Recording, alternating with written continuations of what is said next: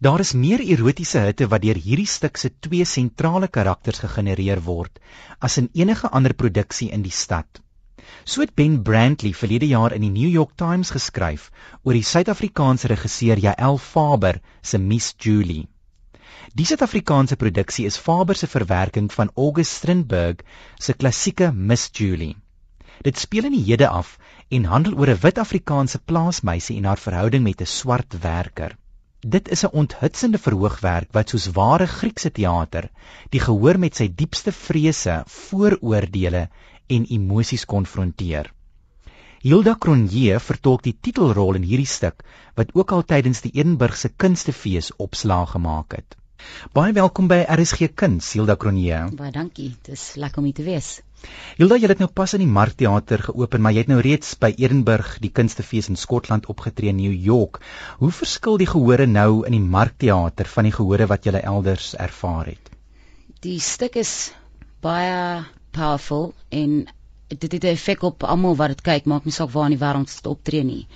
Hier in Suid-Afrika natuurlik is die mense wat dit kyk baie dieper deel van die storie, so hulle gevoelens dink ek word meer meegesleer met wat op die verhoog aangaan. Waar as die mense in Edinburgh of New York kan van ver af ek dink kyk na die stuk en of heeltemal gee en meegesleer word dit hang af hoe jy as mens kuns aanvaar. Maar Suid-Afrikaanse gehore dink ek voel baie meer die intimiteit en die die geweld van die stuk en en ook ek dink dit praat meer met ons as 'n nasie as wat dit met met 'n oorsese gehoor praat.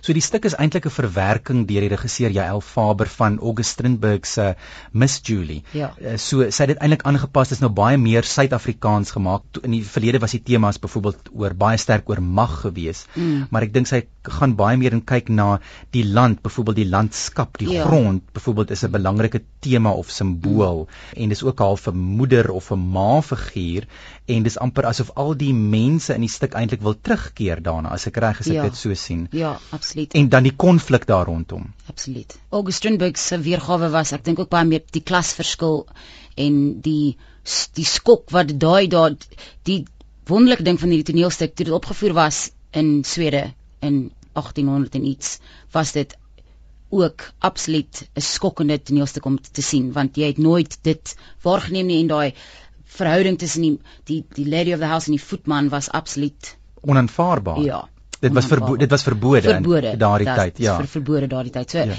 toe Sandra Prinsloo en John Carney dit gedoen het in 1984 was daai liefde tussen twee van hulle ook verbode. En dit het ook gehore tot opstand laat kom of iets laat voel of kwaad gemaak. En vandag het ons nog steeds dieselfde stuk wat verwerk is en dalk met ander temas onderhandel maar dit is nog steeds net so skokkend en nog steeds net so treffend as wat dit was 100 jaar terug Ja, toe toe John Carney en Sandra Prinsloo mekaar gesoen het op die verhoog, was dit half 'n groot taboe dit, vir 'n ja. swart man en 'n wit vrou ja. mekaar te soen. Maar ek dink jy het meer in die rigting nou van die geweld en die konflik ja. in ons land gegaan waaroor mense stry. Ja. En dit maak eintlik van Miss Julie nie 'n maklike stuk om na te kyk nie. Nee. So vind julle dat die gehore amper 'n bietjie van 'n skok ervaar het ja. hulle na die tyd eintlik nodig het om bietjie te ja, kalmeer. Veral in in Graamsstad was die mense gebreek na die tyd daar's 'n doodse stilte as ek as dit ophou. En iemand wat die produksie ken, het altyd die applous begin. Waar as in die ander wêreld, New York en Edinburgh, het mense dadelik geklap, maar hier sit Suid-Afrikaners vir 'n sekonde met met alles wat hulle ervaar het. Daar's definitief 'n oomblik van doodse stilte voordat uh, hulle besef dit is verby en ek weet nie party mense wil nie klap nie, party mense wil nie ja, dis dit het 'n vreemde uitweg eh, uit effek op die mense verseker. En hulle hou hulle asem op. Hulle is eintlik bietjie bang om dan eintlik te reageer. Ek dink so. Want iemand het vir my gesê o, dit is is dit 'n nice toneelstuk. Toe sê ek nee, ek dink dis dis nie die woord wat 'n mens hiervoor kan gebruik nie. Nee, ek ek, ek is onder direction gesê that nothing is nice in this world. So die wêreld wat ons gemaak het is is ook nie 'n vriendelike, liefdevolle plek nie. Dis 'n baie brutal, savage wêreld. Nou mense kan jou seker 'n jong aktrise noem. Hoe ervaar jy dit as jong aktrise om in so 'n stuk te speel? Want dit is gewelddadig daar die goed wat met jou gebeur mense wil nou nie sê wat alles gebeur nie. Dit is bloederig en dit is dis baie diep emosies waarmee jy moet werk. So hoe werk jy deur dit? Hoe berei jou voor byvoorbeeld vir so 'n rol? Die tradisie van teater het my nog altyd aangetrek as 'n loopbaan en ek respekteer dit baie dat die 2 ure wat ek voor die tyd na die teater toe gaan om in die karakter in te kom, vat ek baie ernstig op. So ek het 'n hele siklus oefeninge en yoga en asemhaling wat ek doen en ek ek warm stem op in my lyf en ek seker dat ek fisies warm genoeg is om alles te doen wat die die doel van my verwag en dan net om my kop in die regte plek te kry. Ek dink ek's nog altyd baie ek het baie empatie en ek sensitief mense en dinge en situasies vandat ek 'n klein dogtertjie was en dis net vir my ek sal nie sê dis maklik nie hierdie rol is nooit maklik nie maar om haar storie te vertel die die Afrikaanse dogtertjie wat regtig nog nooit liefde gevind het nie dit dit is vir my 'n belangrike storie om te vertel. So ek gaan elke aand uit en ek vertel Julie se verhaal. En ek weet baie mense hou nie van haar nie en kan haar nie plaas nie en wil nie van haar nie want sy is 'n brat en sy's ek weet nie sy's baie goeters maar ek ek's baie lief vir ek gee haar als elke aand.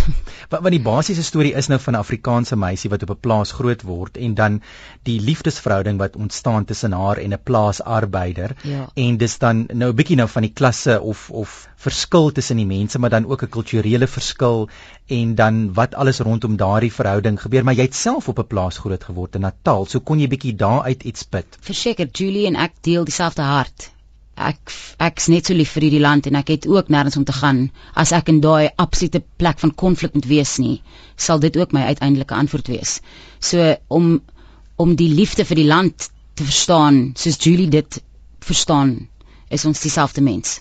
Maar die omstandighede rondom hoe sy groot geword het en hoe ek groot geword het is baie anders Nou Jael Faber is die regisseur en sy het ook nou die uh, stuk eintlik herskryf en van haar vorige stukke byvoorbeeld soos Molora en He Left Quietly het vir my baie van dieselfde simbole of simboliek gebruik byvoorbeeld die skoene of stewels die gebruik van bloed. Wat is vir jou as aktrise of miskien as Julia's karakter die sterk simbole in die stuk of die dinge wat vir jou bybly?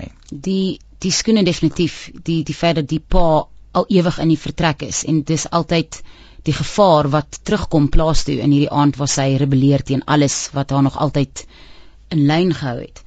So elke keer as Julie se oë op die skoene val, is daar omtrent 'n fisiese reaksie vir my wat dit beteken as as ek sou so ver moes gaan, dink ek dit die skok dieselfde as ek die stewel sien.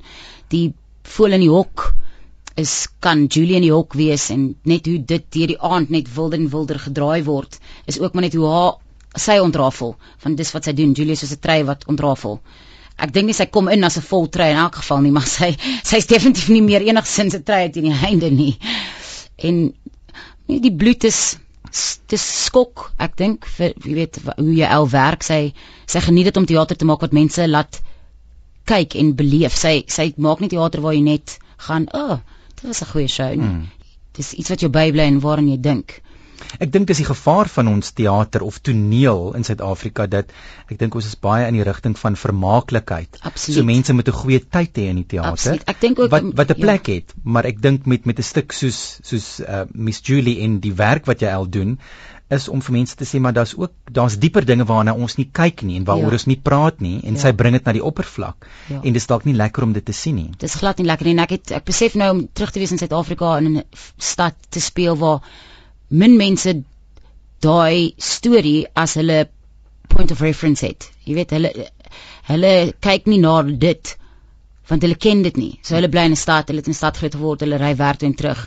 Daar daar's baie ander goed wat nou in die land baie meer mense kwaad maak. So om vir 'n stuk te wys wat so diep in ons geskiedenis nog deel is van so baie mense se lewens is moeilik om te verwerk as jy dit nie verstaan nie. En ek dit dit maak mense kwaad en dit maak mense hartseer en dit maak mense verskillende emosies voel, maar vir my nog altyd van die begin van die stuk af is dat ons as wit en swart, bruin en geel in Suid-Afrika net ons vuiste sal oopmaak en mekaar beter verstaan en uit die hoek uitklim en fight vir alles wat ons wil hê en net gaan ek uit dit het gebeur en dit is ons werklikheid en dit is ons geskiedenis en hoe maak ons dit 'n beter toekoms? Dis Want jy nou verwys na die pa wat nou die die beeld of sy tenwoordigheid is die skoene op die verhoog wat dan ook die verlede kan wees, die die ja. spooke of die pyn van die verlede, dinge wat in die verlede gebeur het waaroor nie gepraat Absoluut. word nie. Absoluut. En en dit dit gaan aan dan in die volgende geslag.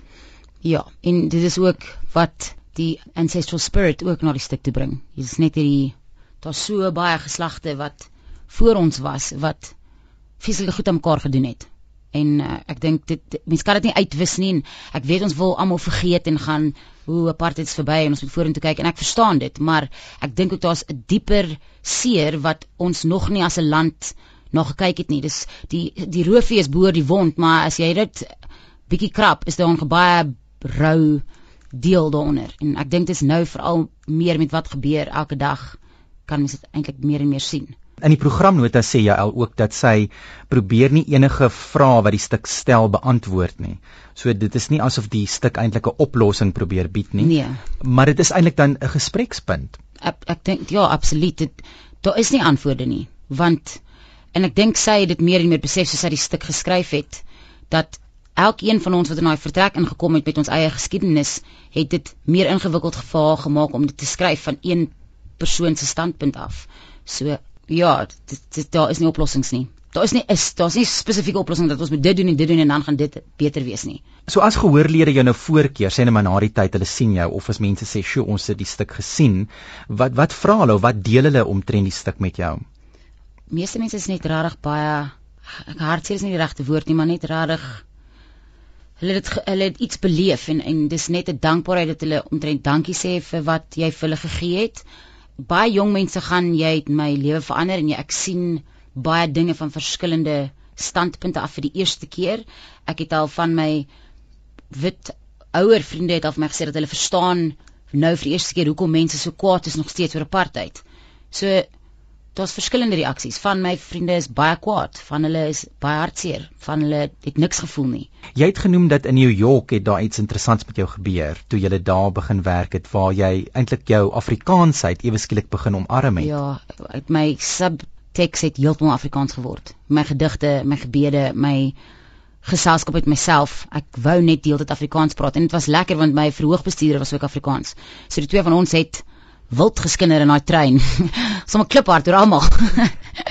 en daar het darm niemand een keer vir ons gesê ek weet wat julle vir my sê want ek is ook Afrikaans nie. Dit was regtig lekker om om ook Afrikaans as 'n taal vir die eerste keer aan te gryp want hier mense word groot in Engels-Afrikaanse skole en dis maar nie deel van jou lewe. Jy besef nie dat dit is eintlik 'n taal uniek op sy eie wat jy kan praat en niemand verstaan wat jy sê nie. Dit was regtig lekker. so New York het eintlik aan jou karakter 'n heel nuwe dimensie gegee. Ek dink New York het aan my as 'n mens 'n hele nuwe dimensie gegee en net ook waar Julie vandaan kom en definitief ek het baie meer na die ouer geharde gekyk en veral die sterk vroue wat deur ons land gegaan het soos die Ingrid Jonkers en Delia Matthys en net diep denkers wat wat my baie inspirasie gegee het om om hierdie storie te vertel want hulle het ook altyd daai donker element aan hulle gehad as as vrouens en skrywers. So dit's regtig 'n merkwaardige ervaring gewees. En hoe voel dit dan om in so 'n produksie te wees wat dan aangewys word as een van die top 10 produksies wat in New York op die planke was verlede jaar? Dit is baie humbling. Ek ek dink ek het hard genoeg gewerk vir 10 jaar kinderteater en bar lady en waitress en en en en dat ek besef hoe spe, spesiaal hierdie tydperk in my lewe is en ek besef dat dit is 'n geleentheid wat nie altyd kom nie en ek is baie dankbaar en baie excited om deel te wees daarvan. Uh, is lekker. so mense hier in Gauteng of Johannesburg wat graag die stuk wil sien, tot wanneer het hulle tyd om dit in die Markteater te sien? Ons is hier tot die 25ste Februarie. En dan planne volgende van daar? Ons is 5 dae terug in die Kaap en dan gaan ons vir 2 en 'n half maande Londen toe. Ons speel by die Riverside Studios en die toer wat volg is onder andere Hong Kong, Nieu-Seeland, Kanada en weer terug Amerika toe. Sjoe, so jy het eintlik die res van die jaar is jy redelik ja, besig. Ja, tot omtrent Mei volgende jaar is ons uh, toer ons elke maand of tweede maand. Ons het 'n maand of twee af. Dis wonderlik. Dis baie exciting. Hilda baie dankie dat jy kom inloer het en sterkte met met daardie uitdagende rol. Dit is een van die min rolle wat 'n mens werklik waar kan sê 'n uitdaging is vir enige aktrise. Ja, dis lekker. baie dankie. Dankie.